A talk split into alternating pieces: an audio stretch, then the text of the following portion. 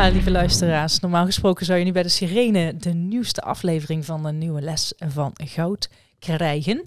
Maar jullie liggen, als het goed is, lekker met je billen op het stranddoekje, lakentje. eh, of jullie zijn op vakantie ergens. Ik weet niet waar jij naartoe gaat, uh, Marnik.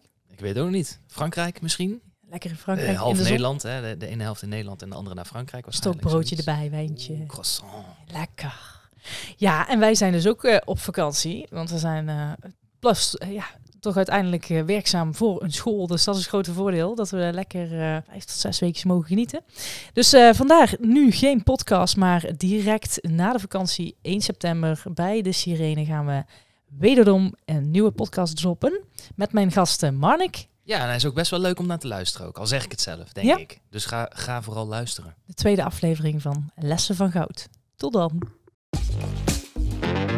Laatste opleiding Pabo, dan, dan sta je voor de klas. Dan ben je les aan het geven eh, op je stage. gaat gewoon verschrikkelijk, eh, verschrikkelijk slecht. Gewoon. in de soep. Dat loopt echt in de soep, weet je. Die kinderen die schieten alle kanten op. eh, Ja. wat, wat, groep 7. Ja, het ging gewoon slecht. En op dat moment weet ik in mijn hoofd, hey, ik weet wat ik moet doen. Ik weet de theorie, hoe ik die kinderen weer binnen zou moeten halen en die orde zou moeten houden. Maar het lukt me gewoon niet.